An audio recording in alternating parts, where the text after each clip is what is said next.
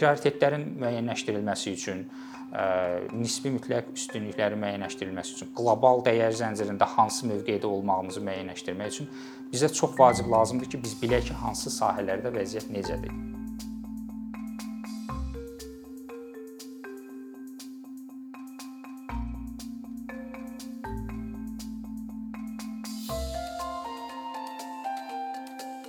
Qısaca olaraq e, sahə iqtisadiyyatının tərifini versək, sahə iqtisadiyyatı e, makroiqtisadiyyatdan və yaxud da digər oxşar sahələrdən fərqli olaraq spesifik sahələrin və yaxud da alt sahələrin iqtisadiyyatını, deyək ki, istehsalını, istehlakını araşdırır və e, sahənin iqtisadiyyatını maraqlı edən ən əsas xüsusiyyətlərdən biri odur ki, orada sistemli elmi metodlar tətbiq olunur, hansısa konkret hadisə və yaxud da hadisələr məcmusu araşdırılır sahə iqtisadiyyatı araşdırmalarına ən yaxın bir alternativ kimi çox vaxt bazar araşdırmalarını göstərirlər, amma bazar araşdırmaları marketinq məqsədi ilə istifadə olunur və müştərilərə yönəlik bir e, məsələdir. Amma sahə iqtisadiyyatı elmi araşdırmaları özündə ehtiva edən belə deyək, iqtisadiyyatın bir fəaliyyət sahəsidir. Azərbaycanda amma əfsuslar olsun ki, sahə iqtisadiyyatına aid araşdırmalar çox azdır və hətta demək olar ki, yoxdur. Xüsusilə də ingilis dilində beynəlxalq jurnallarda nəşrlər çox azdır. Və bunun da həm əslində subyektiv səbəbləri var, həm də obyektiv səbəbləri var. Məsələn, Azərbaycan iqtisadiyyatı kiçik iqtisadiyyatdır və xarici ölkələr üçün, xarici oxucular üçün Azərbaycan iqtisadiyyatının hansısa bir spesifik sahəsinin araşdırılması bəzi hallarda maraq doğurmur. Amma istisnalar da var. Məsələn, Azərbaycanda hasilat sənayesi belə deyək, spesifik sahədir, neft-qaz sektoru spesifik sahədir və onun araşdırılması xarici ölkələrdə maraq doğurur. Çünki xüsusilə son illərdə Azərbaycan Avropanın enerji təhlükəsizliyi məsələsində böyük rol oynayır. Amma məsələn digər sahələr ətrafında bunu demək mümkün deyil. Yəni məsələn spesifik qeyri-neft istehsal sektorları ola bilər, toxuculuq sənayesi və ya da kimya. Bu sahədə həm yazılar azdır, həm də bir qədər bu istiqamətdə maraq da azdır xarici oxucular arasında, amma Bunu həm də fürsətə çevirmək olar. Çünki bu o deməkdir ki, sahənin rəqabət qabiliyyəti artırılsa, onun milli iqtisadiyyata və qlobal iqtisadiyyata faydası artırılsa, o həm də çox yaxşı bir araşdırma mövzusuna çevrilə bilər. Sahə iqtisadiyyatını maraqlı edən ən əsas məsələlərdən biri budur ki, sistem səviyyəsində baş verən hadisələri fərdi səviyyədə baş verən hadisələrdən fərqləndirmək mümkün olur. Ola bilər ki, sizin ölkənizdə tutalım sənaye yaxşı inkişaf eləməyib, amma ola bilər müəyyən sahəsi yaxşı inkişaf eləyib. Fərqləri araşdırmaq üçün artıq sahə iqtisadiyyatı lazım gəlir. Azərbaycanda sahə iqtisadiyyatı araşdırmalarının sayını azaldan bir digər səbəb həm də təhsil sistemi ilə bağlıdır. Həm orta məktəblərdə, həm də ali məktəblərdə müstəqil tədqiqatlara yönəlik, araşdırmalara yönəlik işlər çox azdır. Tələbələrdə bu bacarıqlar inkişaf etdirilmir. Diplom işləri, magistr dissertasiyalarında da mövzular çox ümumidir, xüsusiləşməyə e, az gedilir.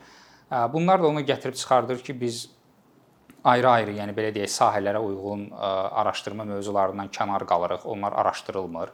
Hətta deskriptiv olaraq bəzi hallarda belə araşdırmalar olmur. Bir digər səbəb odur ki, metodologiyalar zəif tədris olunur. Son illərdə bu bir qədər düzəlsə də, amma yenə də spesifik metodların öyrədilməsində ləngimələr var. Yəni sahə iqtisadiyyatı bunu tələb eləyir ki, siz həmin sahəyə uyğun formada məlumat əldə eləyəsiniz, analiz eləyəsiniz və nəticəyə gələsiniz.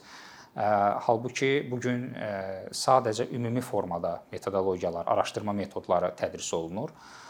Başqa bir səbəb odur ki, biznes subyektləri, kommersiya qurumları, dövlət müəssisələri də qapalıdırlar. Yəni tədqiqatçılara qarşı müstəqil, yəni yanaşmalara qarşı bir qapalılıq var. Bu həm də ondan əlaqədardır ki, sahələrin özlərində də iqtisadi problemləri var, struktur problemləri var, inhisarlaşmalar, bəzi hallarda belə deyək, ictimaiyyətlə zəif əlaqələr gətirib ona çıxardır ki, yəni tədqiqatçıların sorğularına cavab verilmir. Onlar tutalım həmin şirkətə daxil ola bilmirlər, həmin müəssisəyə daxil ola bilmirlər, öyrənə bilmirlər məsələləri. Bir qorxu, çəkinmə var, qapalılıq var. Bu da ona gətirib çıxardır ki, sahə iqtisadiyyatına aid tədqiqatlar azdır. Bəs nə nə etmək lazımdır ki, sahə iqtisadiyyatına aid tədqiqatların sayı çoxalsın və bu istiqamətdə yaxşı bir ədəbiyyat bazası formalaşsın, xüsusilə də ingilis dilli ədəbiyyatda. Bunun üçün əslində ilk növbədə yaxşı elmi metodologiyaların tədrisini təşkil etmək lazımdır. Xüsusilə də kəmiyyət metodologiyaları, kəmiyyət metodları çox faydalıdır. Çünki spesifik sahələrin məlumatları dövlət qurumları tərəfindən çox vaxt təqdim olunmur. Statistika komitəsi ümumi məlumatlara, ümumi göstəricilərə üstünlük verir və belə olan halda tədqiqatçının üzərinə düşür ki, getsin spesifik məlumatları əldə eləsin, göstəriciləri toplasın, sonra onu təhlil eləsin. Bəzi hallarda bunu rəqəmlər vasitəsilə eləmək mümkün deyil. Bunu gərək keyfiyyət metodları ilə edəsən.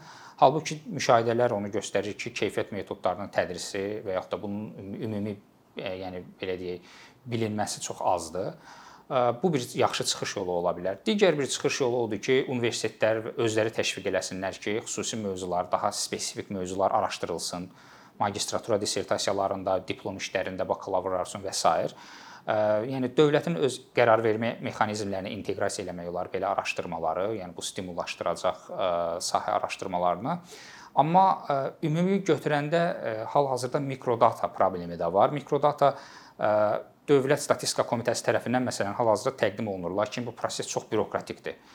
Siz gərək müraciət eləyəsiniz, müraciət üçün elmi rəhbəriniz olmalıdır. Statistika Komitəsində elmi şura çağırılır, səs verməyə qoyulur, müzakirələr gedir. Bir neçə ay çəkir, 4-5 ay çəkə bilər bəzi hallarda. Bu artıq tədqiqatçının həvəsini azalda bilər. Tədqiqat prosesini ləngidə bilər. Bu bürokratik proseslər sadələşdirilməlidir. Avropada alternativ platformalar var. Ödəniş qarşılığında tədqiqatçılar mikrodata əldə edə bilirlər. Bir neçə min firmanın maliyyə göstəricilərini əldə edib təhlil edə bilirlər.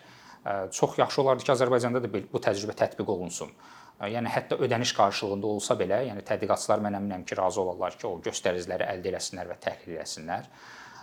Təhsil sistemində, yəni o müstəqil iş təşviq olunmalıdır mütləq şəkildə. Ancaq bunların, yəni bunlar belə deyək, öz həllini tapandan sonra sahə iqtisadiyyatına dair araşdırmalarda artım görmək olar.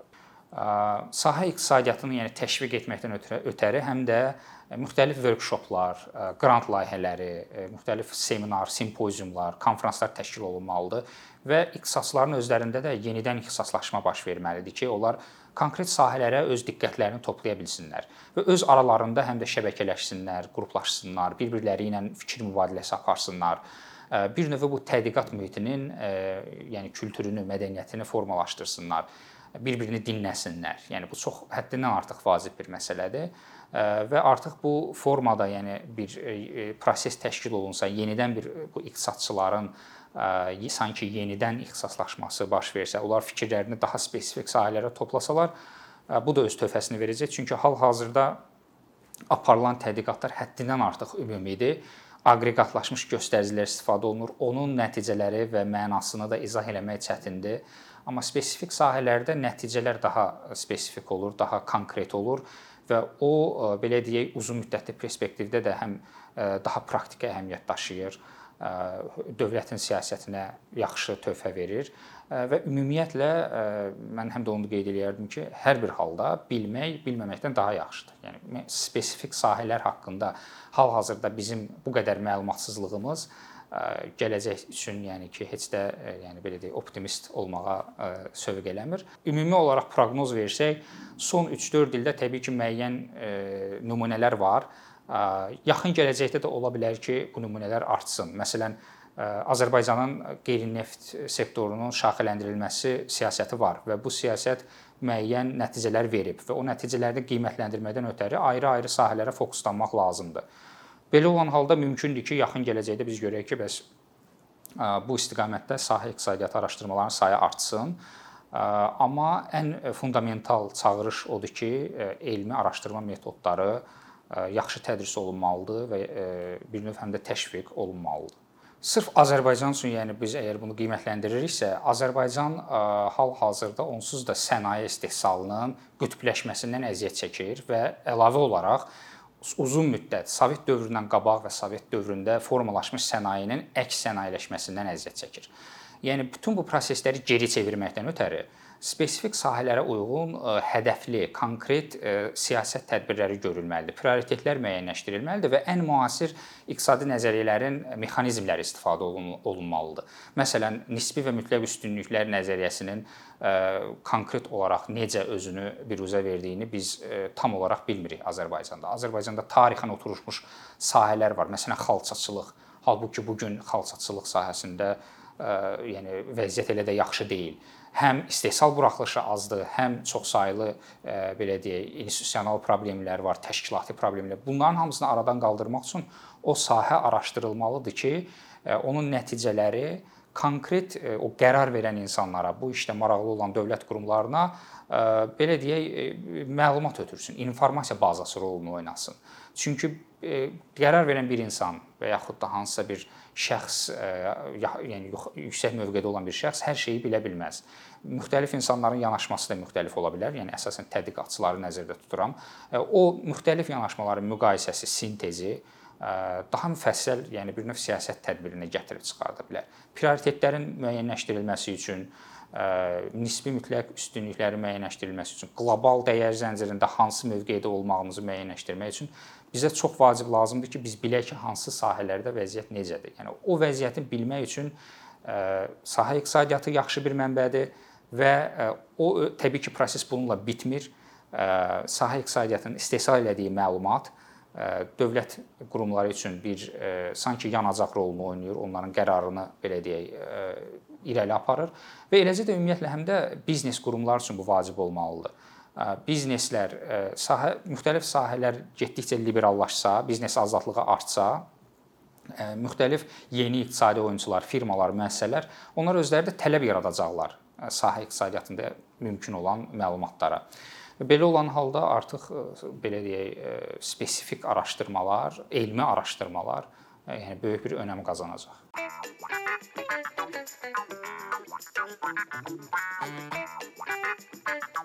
Thank you.